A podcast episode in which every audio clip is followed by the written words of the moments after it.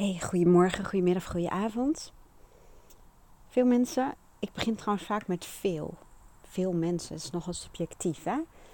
Maar toch gebruik ik dat woord vaak als ik al jarenlang zeg maar ehm, dezelfde soort vragen voorbij zie komen. Of dat nou is als reactie op uh, mijn podcast of een aanvraag voor een online programma of ehm, bij het maken van een afspraak en de toelichting die ze dan in mijn online agenda zetten.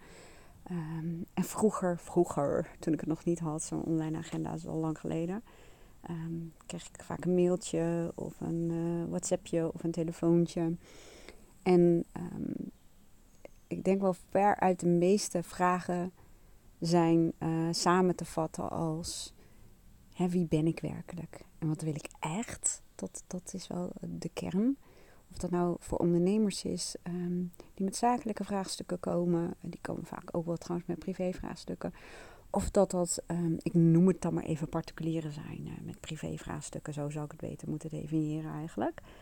Um, maar wat ook veel voorkomt is de vraag om assertiever te worden of om nee te zeggen. En daar wil ik het vandaag in deze korte podcast over hebben.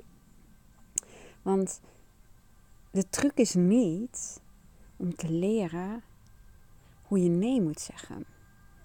En ook niet hoe je je innerlijke pleaser als het ware onder controle krijgt. En dat klinkt misschien een beetje gek, maar um, ik wacht heel even, want er komt uh, een ambulance langs met heel harde sirenes. En dan kun jij mij waarschijnlijk niet meer verstaan. Maar het is misschien wel een mooi voorbeeld die ik natuurlijk niet van plan was om te gebruiken. Maar die ik wel ga gebruiken. En um, die ambulance komt langs. En dan zal ik je zo vertellen hè, waarom ik dus ook zeg van de truc is niet om nee te leren zeggen of je please onder controle te krijgen. Of om assertiever te worden. Maar om ja, zoals ze dat zo mooi zeggen in de company van Stephen Covey, misschien ken je die wel. Een hartstochtelijk ja is wat je nodig hebt. En dan kom ik ook op een zin, die heb ik ook gejat. Net als de hartstochtelijke ja. Die, um, dat is een zin die ze bij, um, god hoe heet die uh, company nou, waar uh, Stephen Covey die, de, de oprichter van was. Nou, het doet er eigenlijk helemaal niet toe. Maar ik werk veel met um, waarden, persoonlijke waarden. En dat heb ik ooit in mijn communicatieopleiding als eerste geleerd. Dus was ik nog helemaal niet bezig met uh, een coachopleiding of iets dergelijks. Nou, daarna leerde ik het in mijn coachopleiding. En ik heb heel veel gewerkt en ook uh, ben getraind door de principes van Stephen Covey, een managementguru. En uh, ik weet niet of je kent, de Seven Habits of Highly Effective People. Oftewel de zeven eigenschappen van um, effectieve mensen. Maar volgens mij is die titel in het Nederlands net eventjes iets anders. Van, nou, maakt ook niet uit, want ik dwaal af. Dus ik zal weer eventjes naar de kern gaan. Maar um, een hartstochtelijk ja. En toen zei ik dat ik nog iets ging jatten van iemand waarvan ik niet weet wie het heeft gezegd. Maar het is wel super waar. Namelijk, en dan komt die hartstochtelijke ja zo meteen ook weer op zijn plek. Als je nergens voor staat, dan val je overal voor. En dat is echt waar. En dat gaat niet alleen maar over de verzoeken van andere mensen. De, de, de, wat jij dan, of jij, nou ja, degene die dan bij mij komt, ik kan geen nee zeggen, zegt, ik kan geen nee zeggen. Want dat gaat dan vaak over um, de, de verzoeken van iemand anders. Of dat nou een werkgever is, een collega, een uh, ouder of een kind, whatever. Dat doet er eigenlijk helemaal niet toe. Maar daar um, hebben ze het ook over. En als je nergens voor staat, dan val je overal voor. En ik heb ook wel eens gezegd, die is ook niet van mezelf. Dat is net alsof ik helemaal niks kan, zelf kan bedenken. Maar die kreeg ik in mijn communicatieopleiding. Dat was het begin voor mij van alles. En met alles bedoel ik um, alles uh, onder de loep nemen en is uh, kiezen om te leven conform mijn persoonlijke waarden. Dat was namelijk de zin als je geen eigen plan hebt, dan word je onderdeel van het plan van iemand anders. Nou, echt waar. Ik zeg heel vaak alsof de bliksem bij me insloeg. In de zin van dat ik het in één keer heel goed begreep. Dat ik helemaal geen eigen plan had. Nou, dat is wel heel absoluut trouwens. Maar in elk geval grotendeels niet. En daardoor had ik ook veel stress. En had ik niet het gevoel dat ik nou heel veel voldoening eruit haalde. En liep ik altijd achter de feiten aan. En um, ja, bleef mijn to-do-lijst maar gevuld worden. Er kwam geen einde aan. En nou ja, dat, dat ken je misschien wel. Het is ook zo, als je nergens voor staat, dan val je overal voor als het gaat om de innerlijke processen, om je gedachtenstromen. Want ik gebruik even de metafoor en ja, je voelt hem waarschijnlijk al wel aankomen die ik ook eventjes had. hoe zeg ze, iets met een wiel of zo. Wiel uitvinden, beter. Nou ja, in geval zoiets. Ik ben niet zo heel erg goed in spreekwoorden. Maar ehm, bij mij valt de appel uit de mouw en de aap uit de boom en zo. Weet je wel, dat soort dingen. Maar in elk geval, het boek Ik en mijn ikken.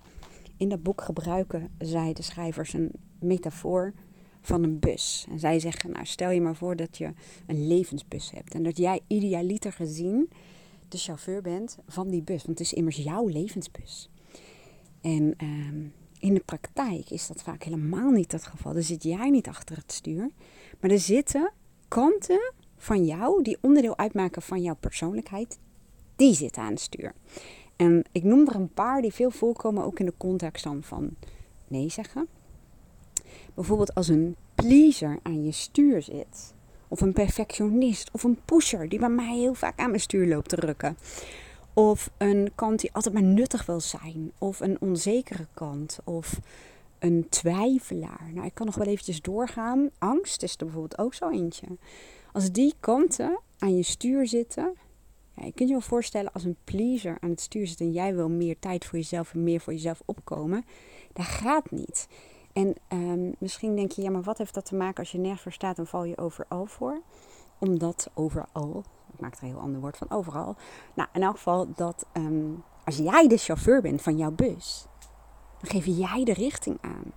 Dan heb jij een visie van waar je naartoe wil. Of wat je eerstvolgende bestemming is. En misschien wel veel verder dan dat. Maar jij bepaalt de richting. Jij bepaalt de koers. En de kanten die in jouw bus zitten, die onderdeel uitmaken van jouw innerlijke team hè, en van jouw persoonlijkheid, die dienen jou. Want jij hebt de regie, jij bent als het ware de baas. En je hebt een heel innerlijk team tot je beschikking. Maar het is net als um, leiding geven. Stel dat we even de context veranderen. Liep dan niet gejaat, oké? Eh, maar stel dat jij de manager bent, of hoe je het ook wil noemen, de leidinggevende um, in een uh, team. Maar het is jouw innerlijk team. En je zit in een vergaderkamer. En uh, jij hebt niet de regie. Je hebt helemaal geen idee waarom je bij elkaar zit. Of je hebt geen doel. Of het is niet helder genoeg. Het hoeft niet zo te zijn dat je helemaal geen visie hebt. Maar misschien is hij gewoon niet helder genoeg. Of hij, klopt niet helemaal. Of ja, je weet het niet helemaal. Dan merk je dat, stel je maar voor, hè, een vergaderzaaltje met al die kanten van jou. Um, je hebt niet per se een agenda. Dan gaat het allemaal door elkaar heen praten. Plus dan zie je vaak dat, dat is ook in echte vergadering zo, dat vaak dezelfde mensen het hoogste woord hebben. En um, dat is ook, als je nergens voor staat, dan val je overal voor. En dan, heb je de regie ook niet. Dan heb je de regie niet. Dat zie je ook dat teams die uh, niet goed functioneren, daar ontbreekt het aan een aantal zaken. En een van de belangrijkste zaken is duidelijkheid, helderheid. Weten waar je van bent, weten waar je voor gaat, weten waar je voor staat. Nou, en dat is in je leven dus ook zo. En dat is zometeen allemaal gerelateerd. Ik bedoel zometeen, maar daarna natuurlijk ook. Maar ik zal je zo meteen in deze podcast uitleggen aan het nee zeggen. Want ik zei net, die ambulance, die gebruik ik als bruggetje. En dan kan ik ook even putten uit ehm, een eigen recente ervaring met een ambulance. Ik was al bezig, en dat kun jij uh, terugluisteren in mijn podcast, waaraan ik het woordje hoofdstuk heb toegevoegd. Hoofdstuk 1, 2, 3, 4, 5, volgens mij ben ik daar gebleven. En ik deel daarin mijn eigen proces, zoals ik dat noem, waarin ik bezig was, waarin ik voelde, ik mag nog meer volgens mijn essentie gaan leven. En mijn essentie zijn voor mij mijn waarden. Je merkt net als dat je bijvoorbeeld ehm, heel druk bent, ehm, dat het zou kunnen dat bijvoorbeeld je huis rommeliger wordt. Dat je wat sneller dingen achter je aan laat slingeren. Ehm, dat je moeilijker keuzes kan maken. Het wordt een beetje een troep. Het slipt een beetje dicht, bijvoorbeeld. Hè? Nou heb ik dat toevallig dan niet in huis. Maar ik merkte wel dat ik dat in mijn leven en werk wel had. Dat wil zeggen, ik ging stapelen. Ik merkte dat ik zakelijk eerst mijn eigen praktijk had, toen mijn online academy erbij had, uh, trainingen ging doen, masterminds uh, ging doen, op locatie ging werken en daarna samen met Rachelle Verhagen, mijn compagnon, mindshifters oprichten. Maar ik ging stapelen. Ik ging het erbij doen. Dat is helemaal niet erg in het begin.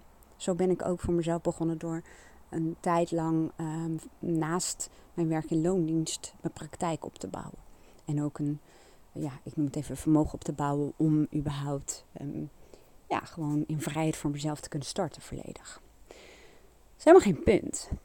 Maar ik zeg wel, als je aandacht versnipperd is, dan heb je ook versnipperde output.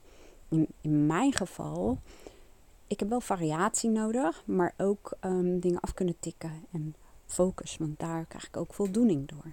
Dus ik merkte, ik was aan het stapelen en het werd te vaag of te diffuus, of hoe zou je het willen uh, noemen. Dus ik was bezig met het proces van, ja, oké, even weer terug naar de basis.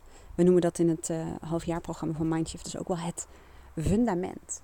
Dus um, hè, waarden, ik weet ze allemaal uit mijn hoofd, maar het gaat er niet om dat je ze weet of dat je een lijstje aan de koelkast hebt, maar je moet ze gaan voelen en ook weten waar zitten de contrasten, welke keuzes kan ik maken, waardoor ik nog meer conform mijn uh, waarden leef. Want je merkt dat je daardoor echt zoveel meer gelukkiger wordt. Een veel hoger mentaal en fysiek energieniveau hebt. Klinkt raar, maar zo werkt het wel. Het woord passie is iets wat ook heel veel mensen zeggen. Ik voel geen passie meer. het is een beetje, hmm, hmm, hmm. ik heb een oké leven, maar ik mis iets.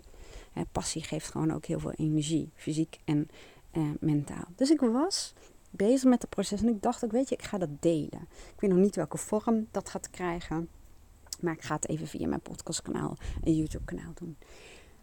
En soms zie je, dat kan zijn dat als jij belangrijke signalen van je lichaam en je geest, zo noem ik het dan maar even, um, negeert of verwaarloost of in de toekomst wegzet van als dan, dan kan ik dat. En als dit, dan ga ik wel meer tijd voor mezelf of voor mijn kinderen of mijn partner of voor mezelf of voor mijn bedrijf, whatever nemen.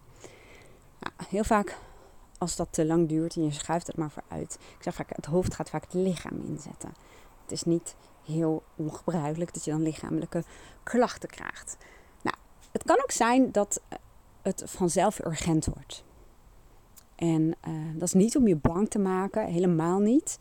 Um, maar het is wel realiteit. Dat als je, uh, ik noem het maar even, verwaarloost om goed voor jezelf te zorgen, dat kan vaak niet eeuwig um, goed gaan. En ja, dat geldt voor heel veel dingen. Nou was één van de onderdelen van mijn proces. Het was niet alleen zaak. Daarom zeg ik ook heel veel ondernemers. Ik coach het gros is denk ik ondernemer of komt in de zakelijke context bij me. Met ook heel veel privé-vraagstukken. Want dat is namelijk ook, het is onlosmakelijk met elkaar verbonden. Dus mijn proces ging niet alleen maar over um, het zakelijke stuk.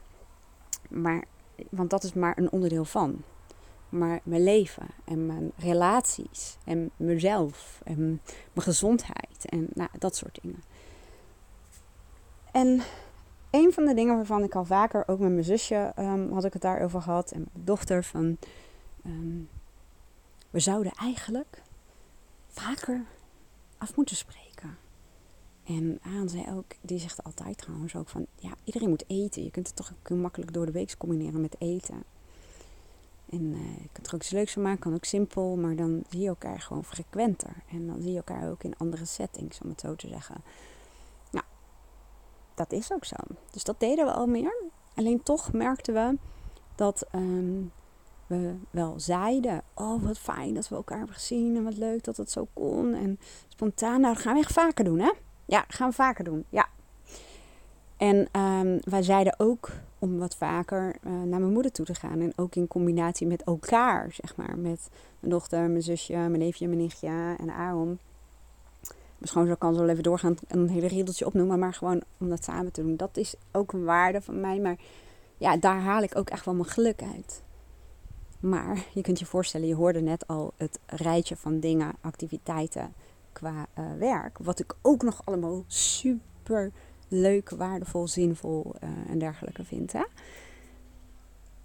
En ja, dus we hadden dat gezegd. En uh, ik had daar al invulling aan gegeven. Gelukkig. Zo bleek later dat dat spijt en schuldgevoel voor mij um, niet zo heel erg groot waren. Maar um, ja, die ambulance. Dus nu inmiddels negen weken geleden werden we midden in de nacht, half één of half twee, ik weet het al niet eens meer hoe laat het was, gebeld door de partner van mijn moeder dat ze uh, was opgehaald door uh, de ambulance. En het zag er heel slecht uit.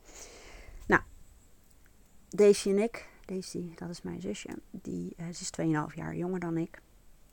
Zusje klinkt zo zusjesachtig, terwijl we zijn gewoon dezelfde leeftijd zo ongeveer. Um, maar we hebben een nachtelijk gesprek gehad die ik nooit meer zal vergeten.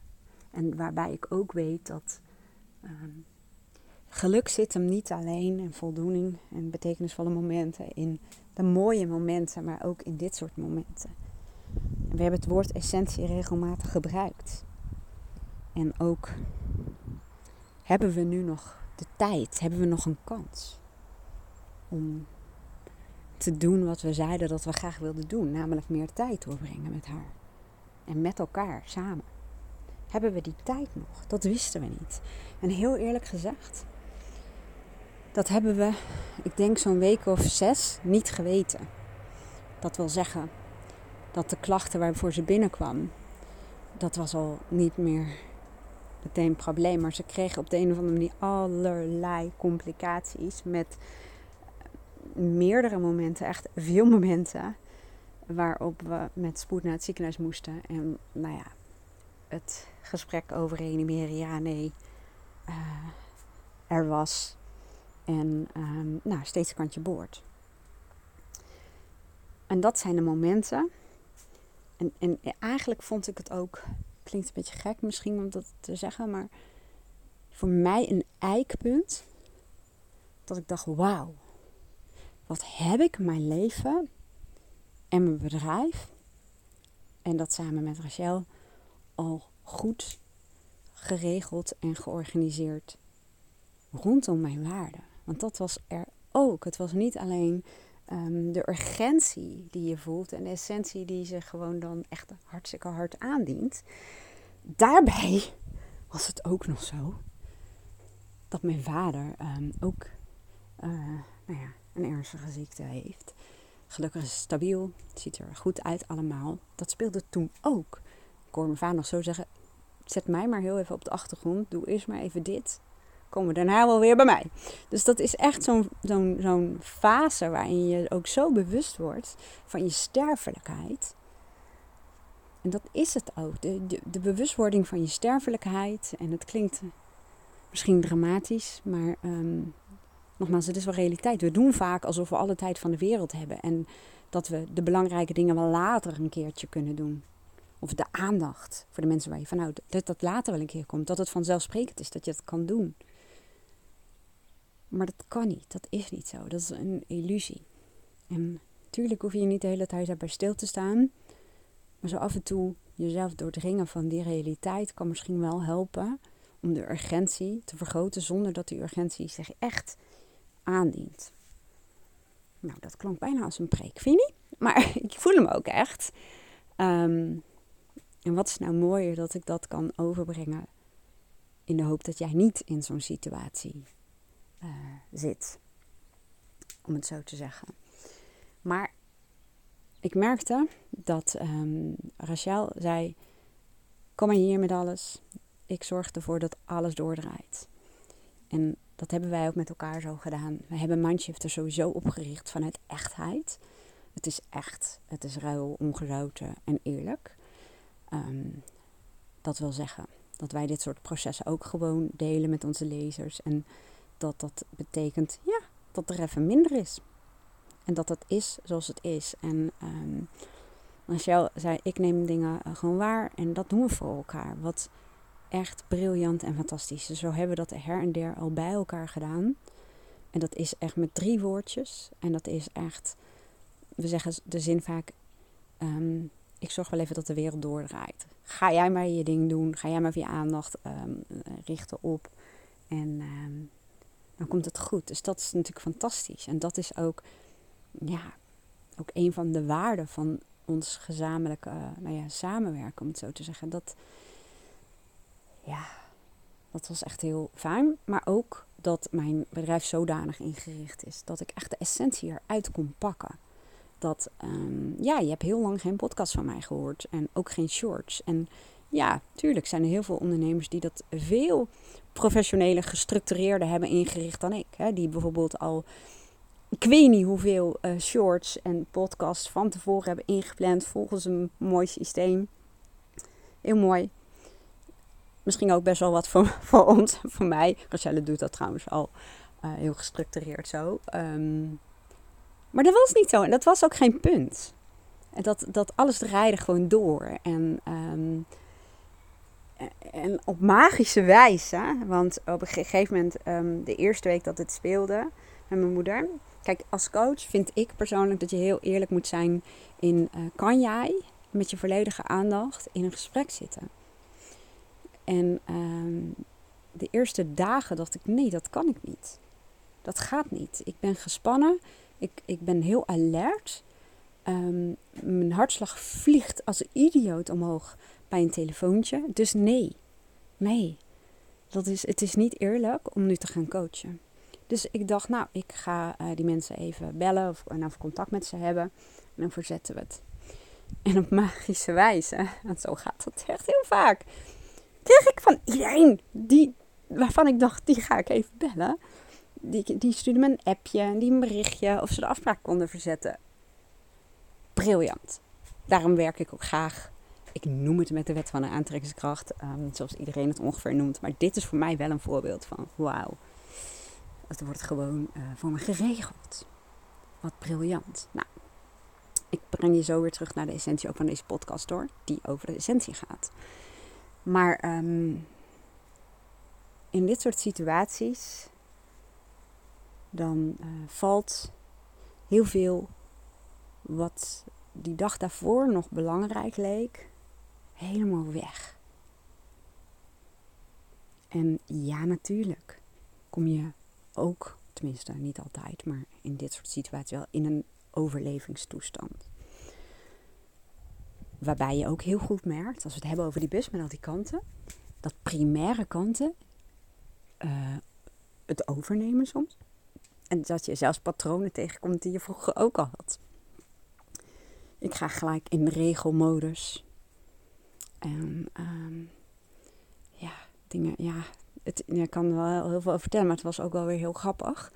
Maar goed, daar ging dit niet over. Het ging over de essentie. Maar um, ja, in dat soort situaties, dan lukt dat.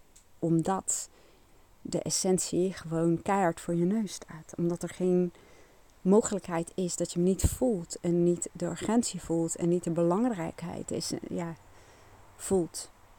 En dat is weer van als je nergens voor staat, dan val je over, overal, overal. Ik moet het woordje even anders uit, overal voor. Nou, dat.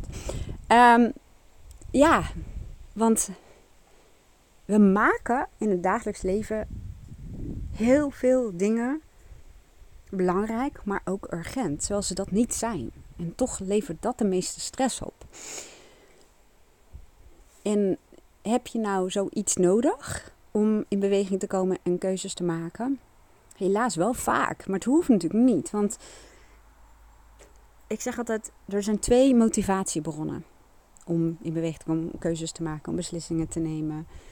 Um, om jezelf aan het werk te zetten, om na te denken, om verantwoordelijkheid te nemen voor je eigen leven.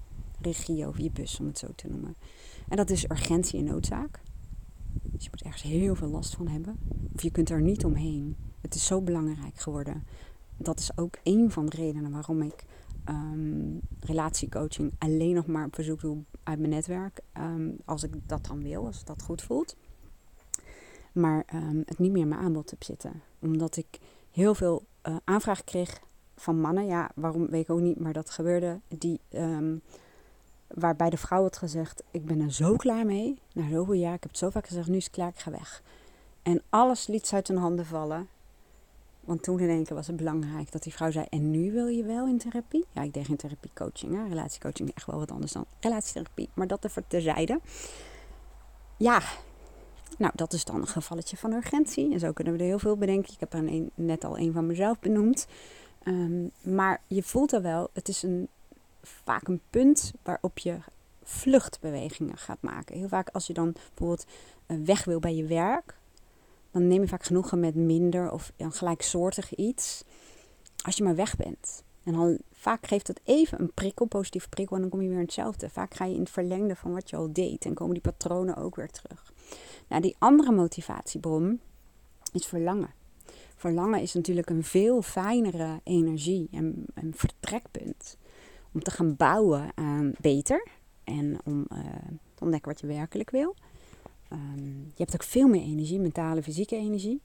En je maakt veel betere keuzes, veel doordachter ook en veel bewuster. Alleen, um, het is niet dat verlangen zomaar bij je aankomt bellen. Verlangen heeft ook geen sirene. Meestal. Soms wel. Hoe bedoel je soms wel? Nou, nou, ik heb in mijn praktijk ook wel zeer regelmatig mensen die um, aangeven niet zo'n hele goede relatie te hebben en verliefd worden. En dat voelt wel degelijk als een verlangen met een sirene erbovenop, zullen we maar zeggen. Um, maar goed, dat is een ander, ander verhaal dan verlangen. ik zou niet per se dat aanraden. Uh, zullen we maar zeggen, want tot nu toe leidt dat, of tot nu toe, laat ik zo zeggen, tot nu toe wat ik heb waargenomen, leidt dat meestal niet tot hele vrolijke situaties. Maar anyway. Maar verlangen. Ja, verlangen. Ik zeg altijd, ga je verlangen voeden. En um, het startpunt is vaak wel waarom en wat. En waarom? Wat drijf je? Wat zijn je persoonlijke waarden?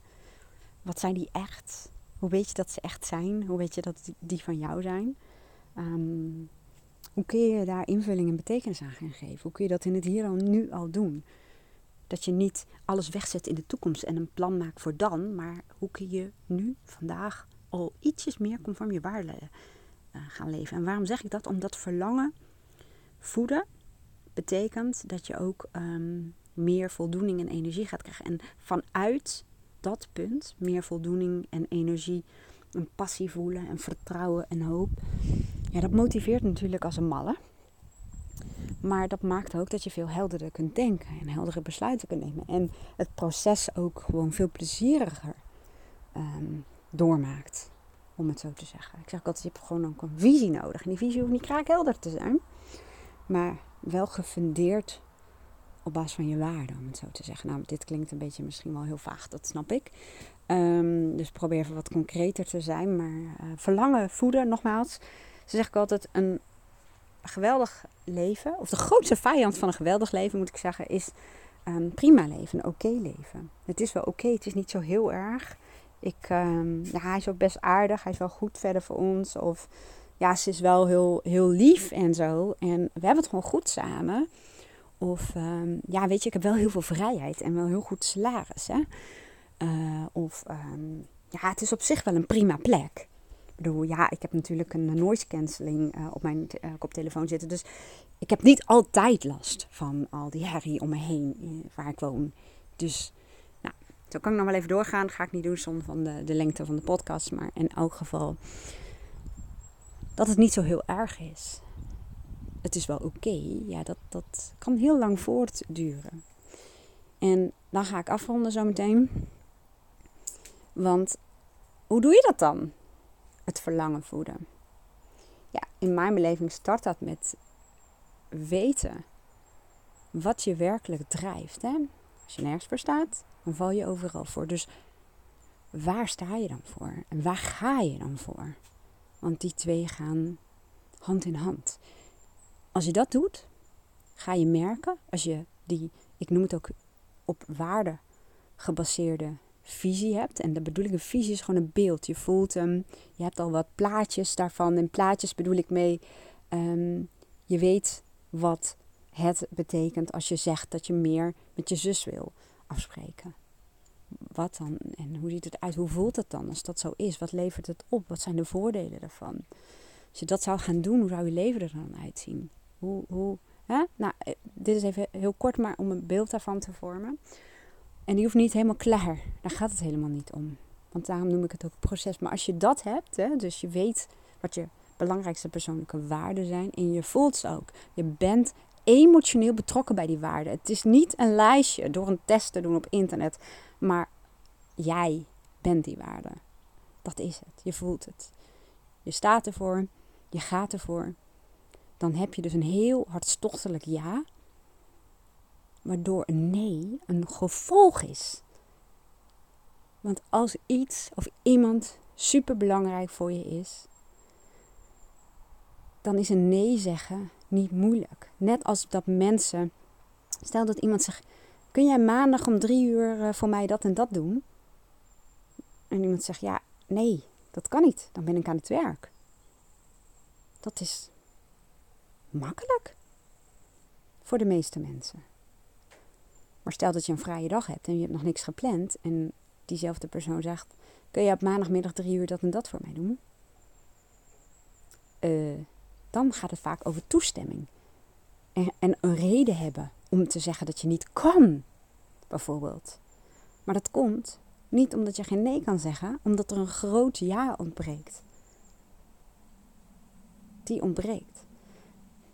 En dat is de truc. Je moet weten wat je ja's zijn en ze voelen. En liever nog voordat het urgent wordt. En dan zul je ook zien, tot slot dus, dat je innerlijke team, die is afgestemd. Hoe zeg dat? In alignment, maar afgestemd op jouw ja's. Jouw innerlijke team staat tot je beschikking. Maar net als een team in een bedrijf of organisatie moeten ze wel weten waar ze van zijn. Waar ze voor gaan, waar ze voor staan. De richting. rolduidelijkheid. Maar ook momentduidelijkheid. Op welk moment kunnen ze verschijnen? Op welk moment kunnen ze jou faciliteren? En welk deel in jou is dat dan? Ik kan me voorstellen dat je best wel denkt: oh ja, ik herken wel veel dingen waarin ik het lastig vind om nee te zeggen. Of die hartstochtelijke ja te geven. En waarschijnlijk snap jij ook wel, en heb je dat misschien in je leven ook wel meegemaakt, dat als iets urgent is, dan ga je wel. Of als het verlangen mega groot is, dan ga je wel. Maar dat is een beetje vaak de moeilijkheid van ja, hm, maar dat is er niet zomaar. Oké, misschien ga je nu vragen, ja, maar hoe kan ik dat dan doen? hoe kan ik zoiets dan aanpakken? Nou, als je met mij wil samenwerken, kan dat op verschillende manieren. Dat kan door een één op één sessie met mij te boeken. Dat kan ook door um, hetgeen te doen wat ik zelf ook heb gedaan. En wat ik dus ook weer gebruikte tijdens het proces waar ik je net over vertelde. Ik gebruik het keer op keer op keer op keer. Het is mijn richtingaanwijzer. Het is mijn innerlijke kompas. Ja, dus weten waar ik voor sta, weten waar ik voor ga. En daar weer helderheid en duidelijk zien wat de contrasten zijn, wat daar dan niet aan voldoet. En nee, niet werken aan nee zeggen, maar werken aan ja zeggen. Ik zet hieronder het linkje neer van het online programma. Wat ik jaren geleden heb gemaakt. En elk jaar, een paar keer per jaar, dan review ik hem. Kijken of ik het verder kan verbeteren. Stop ik er meer praktijkervaringen, voorbeelden in. Ehm, en help ik je ook om dat te combineren met die bus van jou, zeg maar. En een online programma, ja, ik hou zelf heel erg van uh, lekker zelf bezig zijn, um, dingen opschrijven, mezelf observeren, uh, met oefeningen aan de slag. Um, op een leuke manier. Ik hou zelf van luchtig, uh, met humor, want dat is vaak het leukste. Want anders voelt het als leren of een cursus doen en dan is de drempel heel groot. Dit is gewoon het proces wat ik zelf al heel vaak doorlopen heb en wat ik elke keer opnieuw gebruik. Niet het hele programma, niet elke um, ja, uh, les of module, hoe wil je het noemen, erin hoor. Maar er zijn een paar dingen waar ik continu weer op als het ware terugval. Het is overigens ook, dat komt natuurlijk ook, het is mijn eerste programma, dat speelt natuurlijk ook wel een rol, mijn meest gedane, bestelde online programma ever. En het zijn ook de stappen die ik doorneem als je bij mij in een ene been coaching komt. Er zijn overigens ook mogelijkheden en um, daarvoor, even kijken wat is handig. Het staat op mijn homepage, maar ik, ik zet wel even twee linkjes in. Heel veel mensen vinden het toch fijn om iets persoonlijks erbij te doen. Dus een combi te doen van het online programma, maar wel even um, nou, persoonlijke coaching te hebben. Of dat nou is in een sessie, of via spraakberichtcoaching, of via mailcoaching, of een tekstberichtje via WhatsApp. Dat doe ik namelijk ook. Ik zet de mogelijkheden er wel even bij. En sommige mensen zeggen, ik vind het fijn om een online programma te doen. En dan een moment met jou te prikken. of dat nou um, een ene been coaching is. Of dat het nou via WhatsApp of mail is. Maar om mezelf te motiveren, zeggen heel veel mensen. Om even een stok achter de deur te hebben. Zo van, dan weet ik, dan heb ik met jou. En dan ga ik daar ook voor. Dat is mogelijk. Nou, heb je vragen? Kom je er niet uit of wat dan ook? Of even mijn advies. Nou, dan kun je me gewoon mailen of appen. Het duurt vaak wel even een paar dagen voordat ik reageer. Met name ook doordat ik podcast krijg, best wel heel veel mail en um, WhatsApps. En ik heb ook nog voor mensen die um, meer een korte klap willen maken, zullen we maar zeggen. En uh, helderheid willen krijgen over wie ben ik nou werkelijk wat wil ik nou echt, wat drijft me, waar ga en sta ik voor. Heb ik een kortere cursus, dat is eigenlijk een um, samenvatting bijna, hè, een verkorte versie van het online programma. En dat heet Als je niet weet wat je wilt, bepaal dan eerst je richting. Ik zet de linkjes voor je onder de podcast of onder het artikel op mijn website. En uh, nou, dan kun je even kijken hoeveel het voor jou is. Dankjewel voor het luisteren. Ik wens je een hele mooie dag.